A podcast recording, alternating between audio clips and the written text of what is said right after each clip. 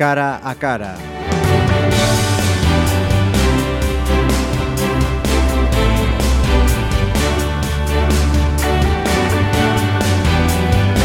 Pues tenemos hoy un cara a cara a tres bandas y no a dos, como es eh, lo habitual, y lo vamos a hacer para conocer una historia que creo tiene, tiene diversas perspectivas. Eh, se puede plantear como un ejemplo de superación, como una historia de un pionero, unos pioneros deportivos, como un homenaje a un padre, como un precioso legado a unos hijos y a unos nietos, y también como un proyecto profesional compartido entre muchos colaboradores, entre muchos mecenas. Así que vamos a darle nombre y apellidos a todas estas historias, que son una. Bienvenidos, Manuel y Antón Cruces. Hola, ¿qué tal? ¿Qué tal? Muy bien, muchas gracias. Tu, tu hijo ya te tuteo con permiso, Manuel, te acabo Sí. de dejar ya a Sí, un- sí, sí, sí, muy bien. Es normal, ahora los hijos tutean a los padres. Eh, Manuel, Mande. mm, dermatólogo de profesión, Sí, señor. En activo. En activo. Dilo que después, en activo. En activo. He's alive. Y me imagino además que orgulloso a los 72 eh, años de su estado físico. Sí, bueno, ese es un problema genético, se lo debo a mis padres, básicamente. Espero que mis, mis hijos y mis nietos les haya transmitido algo. de A eso. mí no. Y Antón, que es el promotor del documental llamado Oldman, el último triatleta que tiene como protagonista a su padre. Correcto. Como promotor es un poco fuerte. No, no tanto, pero sí, sí, correcto. Estamos en eso. Eh, ese último triatleta del que habla este documental es eh, tu padre y vamos componiendo las piezas del puzzle. Manuel, como nos, acaba, como nos acaba de decir, es un pontevedrés que sigue ejerciendo su profesión como dermatólogo, que durante su vida practicó diversos eh, deportes y que en un momento determinado descubre el triatlón. Cuéntanos, por favor, cómo fue, por qué. Bueno, uno es de donde pace, no de donde nace. Yo nací en La Coruña y estoy en Pontevedra. Eh, quiero aclarar eso porque si no, eh, la gente de La Coruña, donde, de mi barrio, digamos, pues mm, me dirá que, a ver, ¿no? A cada uno lo suyo. Cada uno lo suyo. Entonces sí, eso efectivamente, uno es de donde pace, no de donde nace. Entonces soy pontevedrés de adopción, digamos, ¿no? Y encantado, ¿no? Pontevedra es una ciudad pequeña, encantadora, que no tiene mucho que ver, pero se compensa con lo que se escucha siempre, ¿no? Y, y bueno, pues, eh, que ¿cómo descubrí el triatlón a los 40 años, no? Pues estaba así como está mi hijo ahora, Gordo. gordo, gordo, Te rellenito. quiere Antón, ¿no? Te quiere. No te gordo, es todo. Sí. Es todo. No, está fuerte, mi, hijo está fuerte, tiene el pecho bajo, vamos. Y, y- y- y entonces, pues, pues en Pontevedra en aquella época, hace 40 años o, o 30 y tantos, había una serie de peñas que básicamente de lo que se trataba de comer y de beber. Y yo pues iba por muy mal camino desde el punto de vista colesterolémico y, y esas cosas. ¿no? Eso lo tengo yo también. Y claro, naturalmente. Eh, en, nos más o unos pesaste te parecerá que es. ¿Cómo? ¿Cómo? Ah, vale, vale. Sí. Me toca el criollo ahora de la Sí, serie. sí, pues eso. Eh, Y entonces pues dije, esto hay que arreglarlo. Y entonces descubrí el triatlón en una revista mm, alemana o no sé, no yo no sabía qué era aquello.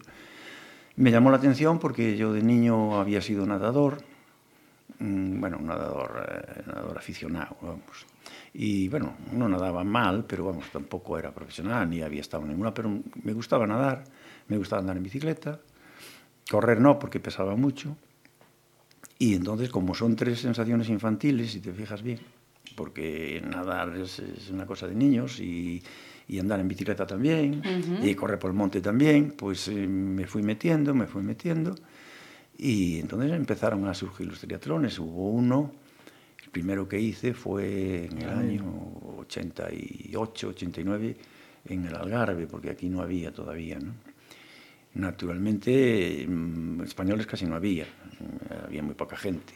Pero fue incrementándose la afición y la gente fue... Y ahora mismo el triatlón es un deporte de moda. Está, uh -huh. Todo el mundo lo hace porque, mm, porque bueno, pues es una especie de, de autoafirmación, de lucha contra uno mismo, porque vas uh -huh. mejorando tú. Ahora, como todo lo, comillas, olímpico, pues lo han, digamos, transfigurado un poco, porque claro, ya se trata de ganar, de quedar primero, de ser el mejor. Y esa cuestión en el triatlón, cuando nosotros éramos triatletas, no se trataba de eso. Se trataba de hacer aquello porque te gustaba, incluso si había alguien con algún problema, tú tratabas de ayudarle, porque solamente uh -huh. el hecho de terminar un triatlón, eh, estoy hablando de distancias medias o distancias eh, un poco regulares, ¿no? Eh, no como ahora, que son una cosa que hacen un sprint, que es una especie de circo que todo el mundo va a rueda y hay 40.000 y no, no, aquella, aquello lo hacía uno solo y le ayudaba a los demás. Entonces te motivaba el compañerismo, acababas, uh -huh. era, en fin, tenías que ganarle a nadie, tenías que autoafirmarte tú. Y por eso me gustaba y me sigue gustando. Eh, para aquellos que, que no, no, conozcan eh, esta historia, eh, quería preguntarle por algo que con lo que acabas de decir queda un poco relegado, pero que también es importante, todo ese palmarés que has ido consiguiendo. Que, que, que o sea, que las Títulos, cosas... claro, ah, algo bueno. que fue una afición... Eh, sí, Tenemos medallas en casa que parece que hay un bazar chino, o sea, hay apaladas, muchas son falsas porque las compran, no ganaba nada y pues las comprabas, pero, ¿no? pero están ahí, o sea, son sí, muchas. realmente, sí que es que te diga la verdad, eh, no me acuerdo de todos los campeonatos de España que tengo. Uh -huh. eh, pero vamos, varios, eh, porque afortunadamente después eh, empezaron a poner en los grupos de edad, es decir, vamos de 5 en 5 años. Y yo cada vez que cumplo años, pues tengo menos competidores. Y entonces es más fácil, claro. en España concretamente yo creo que, que hay uno o dos de mi edad, ¿no? Y a veces quedamos de segundos. Y a veces quedamos de segundos. Realmente soy campeón de España de distancia sprint, soy campeón de España de distancia olímpica, soy campeón de España de larga distancia, soy campeón de España de ya, ya, cross, soy campeón de España de aquatlón, soy campeón del mundo de, de larga distancia, soy, yo qué sé, eh, bueno, campeón del Un mundo ejemplo. de, de, de aquatlón. Etcétera, etcétera. Pero bueno, eso carece de la máxima importancia que decía aquel. O sea, eso vas allí, lo pasas bien y si quedas delante del segundo, mejor. Y si no, es igual. No, sí, pero hay, hay que tener el estado físico y mental como para estar preparado para hacerlo. Y sobre todo mental. Uh -huh. Porque físico tú si te acostumbras, como decían, eh, tengo muchas anécdotas de este tipo, ¿no? pero eh, una vez en una carrera, en, no recuerdo dónde, había una puesta empinadísima y estaban allí unos tipos jugando al tute, con muchos cañas de cerveza, hacía un calor tremendo, y aquellos hombres eran obesos y eran mucho más jóvenes que yo, y pasé por allí y dices, mira, este está se matando. pues ya ves tú el concepto que tienen de la salud la gente, ¿no? Y bueno, pues, en fin, aparte, después de toda la historia de las endorfinas, después de que terminas una prueba de estas, realmente uh -huh. quedas encantado de haberte conocido, ¿no? Uh -huh. Sí, sí. O sea, que eh, eso que dicen los corredores de maratones, que mm, ese tipo de carreras, de, de, pruebas que requieren tanto esfuerzo, un 30% se, se hace con las piernas, con el cuerpo, pero el 70% está, sí. está en la cabeza. Sí, tienes que estar preparado y luego tener la cabeza en su sitio, ¿no? Para no pasarte de vueltas uh -huh. y para poder acabar y para pensar que siempre hay un tipo mejor que tú. Uh -huh. eh, que no, eh, es imposible, ¿no? Eso de yo ser subcampeón del mundo no quiero decir que no quiere que solo haya un tipo que me haya ganado en el mundo. Hay en este caso concreto sí, porque solo, solo hay dos. En, en, este caso sí, pero bueno, hay 50.000 tíos que, que, y personas, perdón, eh, atletas que son mucho mejores y que uh -huh. lo que pasa es que no van o lo que sea, ¿no? Pero vamos, ¿no? además es, no tiene demasiado mérito, ¿no? Porque como decían las viejas aquellas también, bueno, é que vos estades acostumbrados, Claro, estamos acostumbrados porque entrenamos todo Pero mi esfuerzo me cuesta. sí, claro, pois pues eso, estás acostumbrado a isto non ten, non ten mérito ningún, home. E esa, esa máxima, Manuel, que, que empleas para, para este deporte, es un lema que también deberíamos eh, aplicarnos en el día a día. ¿Cuál máxima? El superarse a uno mismo. Ah, bueno, el, sí, eso, eso es una El querer es... Eh... Sí, eso es de Rocky, no sé, son de películas. Eso, no sé, eso es una historia que yo no sé si me inventé o la copié o lo que sea, no sé, no sé cómo es la cosa, pero eh, de lo que se trata realmente es de superar tus propios límites, ¿no? Porque realmente aquí estamos encerrados. Uh -huh. Y supongo que el primer mamífero que se puso en dos patas le costó muchísimo, ¿no? Entonces, cada uno de nosotros debería de tratar de superar sus límites, tanto físicos como mentales. A mí me gusta mucho tratar de superar esos límites porque ensancho mi libertad, o sea, transciendo un poco y bueno, me digo, qué bien y tal, este, que no sirve para nada, porque realmente sigue siendo lo mismo, ¿no? Pero en, en aquel momento uh -huh. quedas encantado de la vida. Sí. Eh, quería también comentar, sin incidir demasiado en ello, pero esa superación, eh, el momento de, del accidente ¿no? que tuviste, uh -huh. un, sufriste un atropello, uh -huh. eso te tuvo en el dique seco durante un tiempo, pero bueno, aquí estoy yo y para adelante. Sí, eso del accidente fue un asunto bastante eh, complicado. Uh -huh.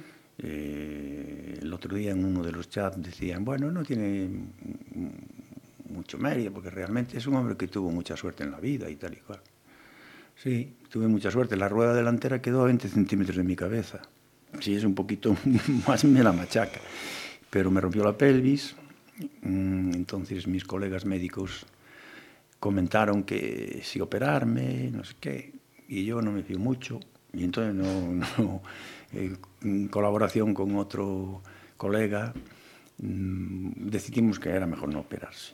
Entonces me pusieron un clavo que atravesaba el fémur y un peso, como los tebeos aquellos de antes, uh -huh. sí, sí, sí. y donde te, te cuelgan de manera que tu fémur está colgado de un peso para que se vaya des desprendiendo de la pelvis en donde quedó incrustado, ¿no?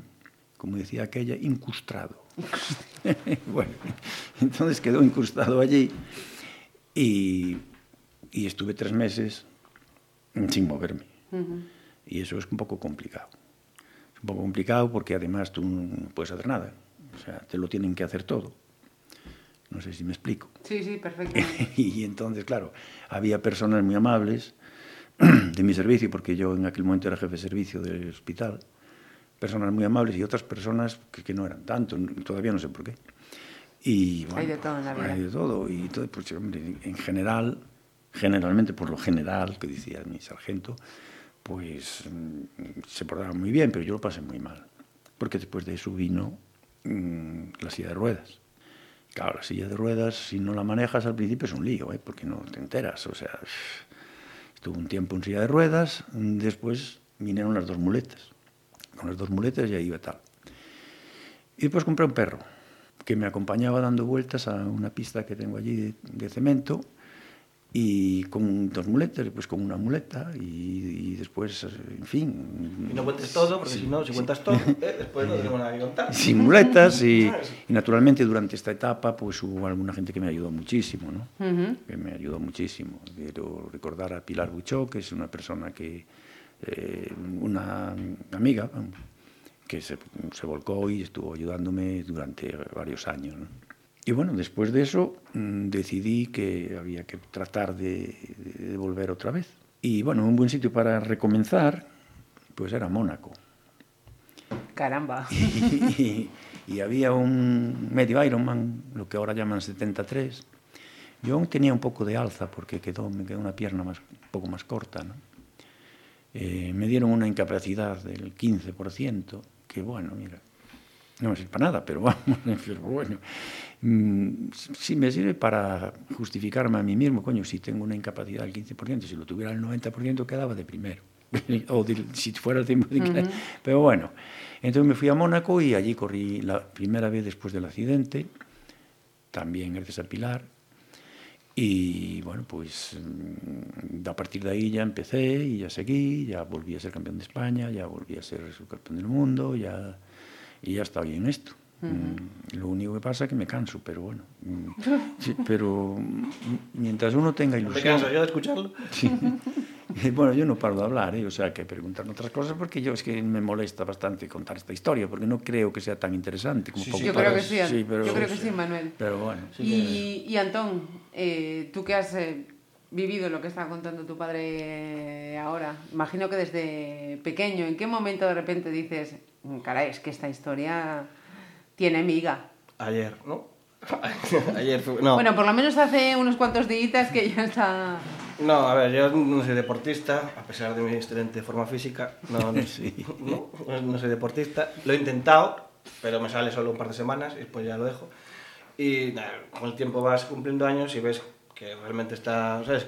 Flipas un poco, ¿no? Y la gente a mi alrededor también dice, oye, este tío, que ¿cómo, cómo, ¿cómo es posible que haga esto? Y a raíz del accidente, sobre todo, también, empiezas a tomar un poco, ¿no? A ser consciente de que, de que es un poco así, está aquí, está mal que lo digas, un gran deportista y tal. Y eh, me di cuenta que tengo una historia guay para contar y solo la tengo yo, porque es mi padre. Si se va con otro, le capo, ¿sabes? Entonces eh, nos pusimos manos a la obra a ver cómo podíamos contar la historia, pero también de una manera un poco, vale, aparte del accidente, evidentemente no es una coña, pero también queremos ir un poco, quiero huir del tema del documental deportivo. Ajá. O sea, creo que tiene que ser una historia que pueda ser una historia de superación, podría ser triatlón, como podría ser ping-pong. ¿eh? O sea, tenemos que buscar la manera de contarla para que la gente mm, que le guste el triatlón, pues, oye, es un punto a favor, pero también para que la gente que no sea triatleta eh, le llegue la historia más humana, digamos, ¿no? Entonces, dime. Nosotros eh, eh, sabemos perfectamente lo que estamos eh, hablando, pero para aquellos que por primera vez escuchen todo esto, nos estamos refiriendo a un vídeo, Oldman, el último triatleta, lo decíamos al principio, que se puede ver en Berkami. Uno va, teclea, le pregunta al señor Google, Berkami, Oldman, el último triatleta, y ya va a ver ese vídeo. Va a ver el tráiler. Eh, una, una parte, efectivamente. Y se trata de que la gente colabore, ¿no? Claro. En la financiación vamos a explicar con qué objetivos, cómo se puede Sí. colaborar. A ver, el tema es el siguiente. Eh, yo trabajo en la tele, eh, paso ahora dos años de guionista, soy reportero y productor. Mi padre me dice que hable más despacio. y el tema es el siguiente. Estamos buscando financiación. Evidentemente, esto es un trabajo serio, eh, cuesta un dinero. Y lo que hemos pedido en Berkami es para, digamos, hacer la versión más sencilla posible, pero con una calidad- ¿Berkami se escribe con V o con B? con V y con K, de kilo. Ah, por eso decía yo, sí, Berkami. Berkami. O sea- Ver de ver, Kami. Bien. Como aquellos helados que había. ¿Correcto? ¿Puedo seguir? Bien. Entonces, el Es tema la es... matización, además, para cualquiera que no sí, sí, haga. sí, Muy sí. bien hecho, Manuel. Correcto, Berkami. Eh, pierdo el hilo, ¿sabes? vale. Entonces, eh, buscamos una financiación por medio de crowdfunding, que es micromecenazgo, que se llama. ¿Qué es Por eso la- de micromecenazgo? El micromecenazgo, querido compañero, me alegro que me hagas esa pregunta, es que eh, los mecenas hacen pequeñas aportaciones para llevar a cabo el proyecto. Y ahora, no me interrumpas, por favor. ¿Quién Eh, eran mecenas? El mecenas era maicena, maicena, como la, No, no. la harina. Vale. El, el tema es el siguiente. eh, No si me deja explicarlo, si, si me, dejas- si me deja explicarlo, eh, el tema- después explicas tú eh, en tu sección qué culto soy, mecenas. Pero ahora déjame a mí esto. Entonces, el tema es el siguiente. Los mecenas se meten en la página de Berkami, ven las recompensas y pueden elegir entre ciertas cantidades. 10, 50, 100, 300 euros. Que son las que tienen que poner, no las que le van a dar a ellos. Correcto. Bien. Bien. Yo si te fijas, durante tu intervención estuve callado prácticamente todo el tiempo. Eh, No, pero yo quiero aclarar porque... Vale. Por favor, un poco de respeto. respeto. Las comidas de los cruces tienen que ser divertidísimas. ¿eh? Uf, cuidado, cuidado, cuidado con los cruces. Bueno, a lo que vamos, ¿vale? Porque si no, la gente no se va a enterar. Eh, en Berkami está este proyecto. Este proyecto tiene un presupuesto en Berkami de 7.000 euros para poder hacerlo de una manera, eh, digamos, lo mínimo para poder arrancar. O ¿vale? sea, precaria. Eh, no, precaria no. Perfecta, pero para poder arrancar, arrancar. ¿Vale? Ahí habrá que renunciar a localizaciones y a una serie de cosas que, que no vienen al caso. El tema es el siguiente, cada uno aporta lo que puede. Si el 11 de junio, que es el día en el que acaba el- la campaña, se consigue el objetivo, se lo cargan en sus cuentas y si no se consigue, aquí no pasa nada. El Y tema entonces es que se lo devuelven. no, no se lo cargan hasta el 11 de junio. Ah, no se lo cargan. No se lo cargan hasta el 11 de junio. El tema es que estamos buscando con Cello, Xunta, estamos hablando con ellos, de momento las sensaciones son buenas, estamos hablando con marcas, porque el proyecto de- en realidad es mucho más elevado. O sea, quiero decir, estamos hablando de un proyecto que cuadriplica lo que se está pidiendo en Berkami si queremos hacerlo con las salidas, es decir, él se va a entrenar a un sitio que se llama La Santa, en Lanzarote, que es un sitio de referencia para muchos atletas, ir ahí, seguirle en alguna prueba mundial a la que podría, en la que podría participar. Entonces, de momento, la primera fase, y para mí personalmente el crowdfunding también es una manera de meter presión y de salir en los sitios y de intentar pues armar revuelo, porque yo creo que es una historia O sea bonita. que, digamos, lo que pretendes es, ahora lo que vemos es una presentación, decías, pero darle continuidad a ese documental siguiendo a tu padre en aquellas pruebas. por Eso sería que- lo ideal en un mundo perfecto. Después está la historia, por otra parte, de los precursores del triatlón, que estaban Ferro, Capa, Ogea, eh, Bayón, ¿no? Eh, Ogando, Seoane. eh, Seoane, bueno, toda esta gente, es una parte, hay una parte evidentemente que sí se va a contar sí o sí, que es la parte de los inicios del triatlón en Pontevedra, quién es este el señor, para el que no lo El conozca, Panoramis Triatlón. el Panoramas Triatlón, que fue el primer club que hubo en Pontevedra que lo fundó él, toda la, toda la parte del accidente, etcétera. Es decir, se, se pueden hacer cosas bien, bien correcto, con 7.000 euros, pero realmente el proyecto es eh, más costoso porque las cosas valen un dinero. Y esto, y concretamente, la gente con la que, de la que me he rodeado es mm, de lo mejorcito que hay en sonido, cámaras, eh, montadores. Digamos que la parte retrospectiva sería más viable, más factible, pero el seguir allá donde Manuel vaya a competir es donde Sí, la cosa se complicaría. correcto. Ajá. Mm, Por eso hay que intentar eh, pues sumar todos para que otra, o sea, hay que hacer algo. Mucha gente me dice, ¿vas que es un reportaje de triatlón en Pontevedra? No, no, no estás entendiendo. No es, un, no, es un, no, es un, no es una historia del triatlón en Pontevedra. Para mí es una historia de cómo un tío puede superar sus límites, eh, puede hacerse mayor y seguir entrenando con la ilusión como si tuviese 15 años. Y eso es una cosa universal. O sea, el triatlón es el telón de fondo. Entonces hay que contarla de esa manera, no centrarla en un tema local. O sea, yo mi aspiración es, es contar una historia universal, que por casualidad pues hemos, nos tocado en Pontevedra. Ahora bien, sí creo que cosas como... Creo que hay instituciones que deberían echar un cable más que nada para eh, poner en valor ¿no? que ahora es una ciudad de referencia, pero cuando empezaron ellos no había nada. No había Sí, nada. Porque yo sí me pioneros. acuerdo cuando era pequeño de que él tenía que explicarle a la gente qué era el triatlón y la gente le miraba como, "Bah, este tío está loco. Pero así, ¿eh? O sea, este tío está mal de la cabeza. Y mira, y ahora resulta que tenemos un pentacampeón del mundo afincado aquí. Esto pegó con Iván Raña y con Javi Gómez Noya, Saleta. ¿eh? Que contáis con su colaboración. Sí, sí, sí. Ellos desde el primer momento eh, me dijeron "Pf, lo que, lo que haga falta. Aparte de Saleta, digamos que mi padre fue su mentor, su, su Miyagi. ¿Eh? Le compró la primera bicicleta y... Él no lo quiere contar, pero es verdad. Le compró la primera bici, la llevaba, le, le- le- la, la azuzaba un poco a que saliese un poco de la tónica y que si le gustaba hacer deporte que lo hiciese. No, claro, tenía 12 años o 13 y le encantaba. Y bueno, pues mira. Y como a su hijo mayor, pf, le da igual, pues... A mi hijo mayor le daba igual. Venían los triatrones y decía, guárdame esta botella y dame la, la segunda vuelta. Se la bebía él. Tenía Antón, dame el agua. Es que hacía mucho calor, me la bebí yo. Cojonudo. Hay que decir, a la verdad, que la los que le- de verdad la Te está tratando demasiado bien, Antón, ¿eh? Que va, que va. Eh, los que siempre la han acompañado es mi hermano Manuel, él siempre, siempre va, siempre la acompaña, y mi hermana, bueno, va por épocas, ¿no? Cuando era más pequeña igual sí, ahora ya menos. Pero yo lo reconozco. O sea, Yo no he ido prácticamente nunca, hasta tocar la guitarra por ahí, o era el de las cañas que decía mentira, él. mentira. Hizo un mini triatlón aquí Sí. en Pontevedra Sí. Que te hizo un artículo estupendo, por Sí, cierto. Sí, lo recuerdo. Sí, del triatlón, que contaba, entre otras cosas, el sabor del agua de la ría, que tenía tres partes, ¿no? Eh, agua salada, gasoil y otra cosa que no conviene decir. No, y- ahí nadamos en el triatlón Una campeonato parte del no mundo. identificada. Sí, Sí, sí, sí. la parte no identificada de la ría, del sabor del agua de la ría. O sea, Manuel, que de- tienes dos hijos y una hija, ¿no? Por lo que, ¿no? sí, sí, que acabo de escuchar. sí, sí. Y de los tres, ninguno. El otro día entré en una tienda y-. No, ninguno. El otro día entré en una tienda y le dice Víctor eh, Ruebo a, un- a uno que estaba ahí, este es su hijo de cruces. Y me mira el tío de arriba abajo y me dice, pues no parece.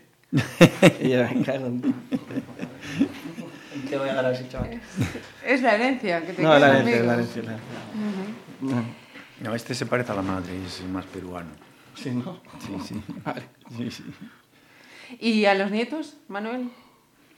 Los, Los, más. los nietos- bueno, todavía creo que son muy pequeñitos, ¿no? Pero. Sí. Sí, pero los nietos son un poco los causantes, el detonante de todo esto, porque cuando, cuando eres padre, pues a lo mejor piensas, hostia, ¿y ahora cómo les cuento yo? Porque este- igual me voy yo antes, pero cuando estos tengan 15 añitos, este señor estará ahí haciendo sus triatlones, categoría mumi- mumificada y tal. Ca- Categoría fósil, super Pero fósil. super fósil ahí.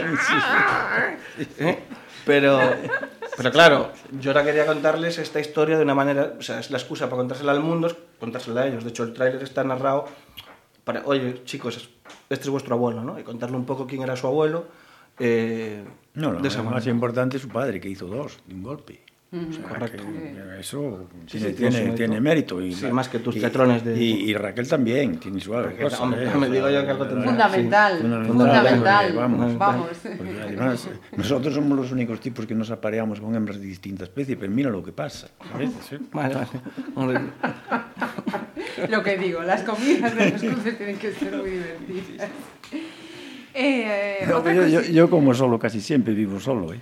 porque ellos andan a su aire. Bueno, solo no, tengo cuatro perros. pero, pero vamos, ellos andan a, a su aire y, y estoy encantado, ¿eh? o sea, porque me encuentro bien. O sea, es, es muy importante llevarse bien con uno mismo, ¿no? Fundamental. Fundamental. Mi abuelo decía, Fundamental. decía, as pandillas de aún é que se leven ben. Bueno, pues eh, Manuel, que para aquellos que nos eh, estén escuchando en estos momentos, que se puedan descargar el podcast y escucharnos, ¿cómo les animamos Ahí le liaste, para que colaboren? ¿Qué dijo? ¿El pocas? ¿El pocas? ¿Qué pocas? ¿Qué, qué? El podcast es eh, para cuando entren en la web de Pontevedra Viva Radio. No y lo digan, intentes, ya, lo Hombre, explicaré después". mm, Manuel Cruces, un triatletra con 72 años. Voy a escuchar a ver cuál es su historia. Y les estemos contando, oye, que podéis colaborar con este documental. Ah, sí, claro. ¿Cómo los convencemos? ¿Cómo? Hombre, porque la verdad es que... Que hagan su aportación, hombre, con la causa. Nada, que hagan la aportación con la causa de un hijo que, que digamos, eh, tiene al padre por ídolo, que la verdad es que es sorprendente. ¿Quién es el- quién es- quién? Es, es sorprendente, porque la verdad que de los padres nunca, pero cuando te encuentras con un hijo, comillas, que se da de cuenta de que el padre dice, coño, pues oye, parece que te Qué autoafirma grande, más, vale. ¿eh? porque a mí, la verdad, que conste, que bueno, está bien, me gusta y eso, pero él, lo hago por él. Sea, porque yo no quiero ser protagonista de nada. Perebe, perebe. Mentira, No, cochina. no, no, de- de- de mentira cochina, Él, no, nada. Él está ilusionado. Ahora, está ahora que eres padre, ahora No, que no, eres padre, esto- Antón, eso de lo que no se hace por un hijo no se hace por nadie. Eh, eh, entender. eso sí, Claro, eso sí, claro, eso efectivamente, efectivamente. Correcto. No, no, yo creo que en realidad está encantado. Él te puede decir lo que quiera, pero él está contento, que lo hace por mí, muy bien. Hombre, claro, Claro, claro. Yo también lo ahora estamos aquí con una entrevista. Ah, igual. Yo podría estar. Ahora dentro un poco te llama otro, no sé qué. Oye, ¿qué- Es la fama, es la fama, Si esto no tiene, pero yo no quiero ser. No, sí, fama sí, el hostia. ¿Qué John Bon? Jovi del triatlón. Bueno, John Bon Jovi ni Sí. nada. Venga, hombre. Ah. Yo quiero dormir la siesta tranquilamente. Bueno. Pues para ir, para ir terminando, eh, seguro que te sientes muy, muy orgulloso. Yo Sí, me sí. sentiría, cualquiera se sentiría me, de, de me- los me logros. siento muy orgulloso, especialmente de que mi hijo se sienta orgulloso. Pues casi igual te estás adelantando a la respuesta a la pregunta que te iba a hacer. Ah, no sé, pero ¿Qué bueno. es de lo que más orgulloso te sientes en esta vida? De que, mi- de que mis hijos se sientan orgullosos de mí. O sea, nada más. Yo que, eso es lo más importante de un padre. O sea, que, que, te- que admitan o que les... A lo mejor muchísimos estarán equivocados y eso a lo mejor también, pero por lo menos que lo demuestren que tengan esa ilusión de decir, coño, pues mi padre tal, oye, pues estupendo. ¿no? De eso sí me siento orgulloso. Pero no por lo que hago y tal, lo que hago lo hace cualquiera. O sea, lo que tienen que... Bueno, ahí sí, permítame, No, permíteme no, que lo dude. No, ¿eh? no, no. Tiene que- que es cuestión dude. de paciencia, nada más. Es cuestión de un día haces un poco, otro día haces un poco y ya está. Y bueno, de, de paciencia y de ilusión, que es lo más importante en la vida, tener ilusión por algo. En cuanto la pierdas, mal asunto. Hay otra gente que, que es mucho más difícil estar sentado en un banco ocho horas allí aguantando mecha, o una ventanilla, o dirigiendo el tráfico. Es mucho más difícil. Yo cuando salgo por ahí lo paso muy bien. Y me cuesta, claro que me cuesta, pero más le cuesta a la gente que está trabajando ocho horas. Y no, no sé, muchos se divierten, ¿no?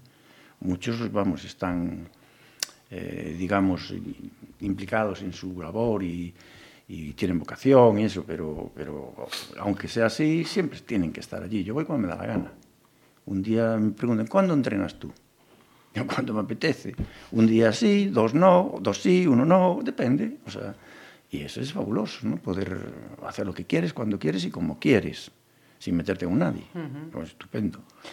Para aquellos que te quieran ver, ¿cuál es la próxima prueba que estás preparando? Bueno, eh, ahora hay varias pruebas, ¿no? Hay, mm, el, el domingo en Villa García hay un triatlón distancia olímpica sin drafting. Sin drafting quiere decir que en la bicicleta no se puede ir a rueda, con lo cual cada uno depende de sus posibilidades. Y ese es el verdadero triatlón, esa es la esencia del triatlón, no lo que se hace en las Olimpiadas y en lo que se hacen las pruebas eh, del Campeonato del Mundo, porque donde se meten los medios, la más media, pues destro- destrozan todo. ¿no? Yo de la más media, a mí lo que más me gusta de la comunicación es el beso artesanal, porque comunicas muchas cosas de una forma muy sencilla. No me hace falta tele ni nada de eso, eso es lo mejor.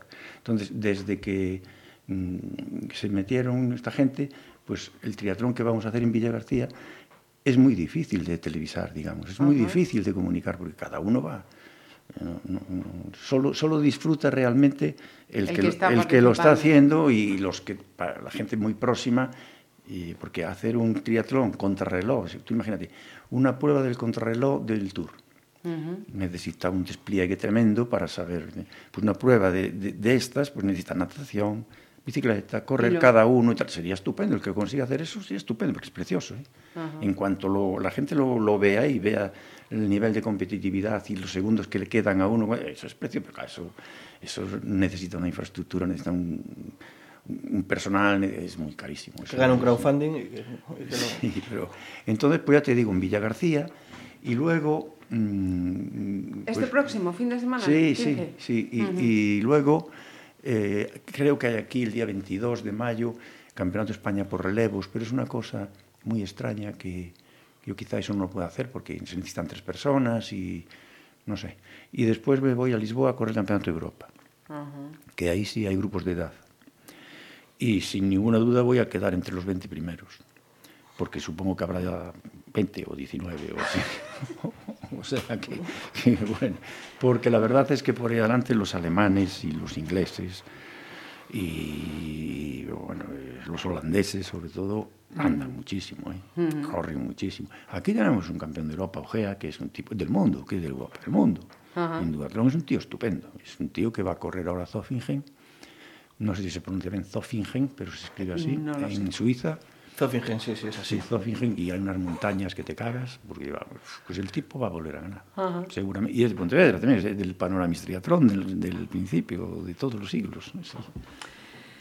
Pues que no se diga, que no se diga. Tenemos eh, campeones eh, Sí, para sí, largo. Sí, sí. Antón, ¿cuánto tiempo queda Mm. para seguir colaborando? Hasta el 11 de junio, en la campaña de crowdfunding, y de hago un llamamiento a la gente que se meta en la página del proyecto.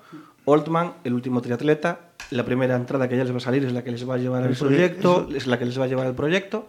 Y ahí yo entiendo que son tiempos complicados, estamos mm, 24 horas con el pico y la pala para que cada uno eh, pues aporte lo que pueda. No hay ninguna aportación pequeña, o sea, el que pueda poner de cero los pone, van destinados siempre a mejorar el producto. Si se, si se llega al objetivo, genial. Si se supera el objetivo de crowdfunding, lo que te decía, hay muchas cosas para contar una historia en condiciones que hacen falta. Y después les invito a las instituciones con las que ya hemos comenzado los contactos a que a, a reunirse Se sumen también. a que se sí, a que se sumen, porque al fin y al cabo puede ser algo muy bonito, evidentemente una historia eh, con un componente humano, deportivo, de superación muy bonito, pero además creo que es una historia que puede ser un escaparate para Pontevedra en, en- en muchos lugares, ¿no?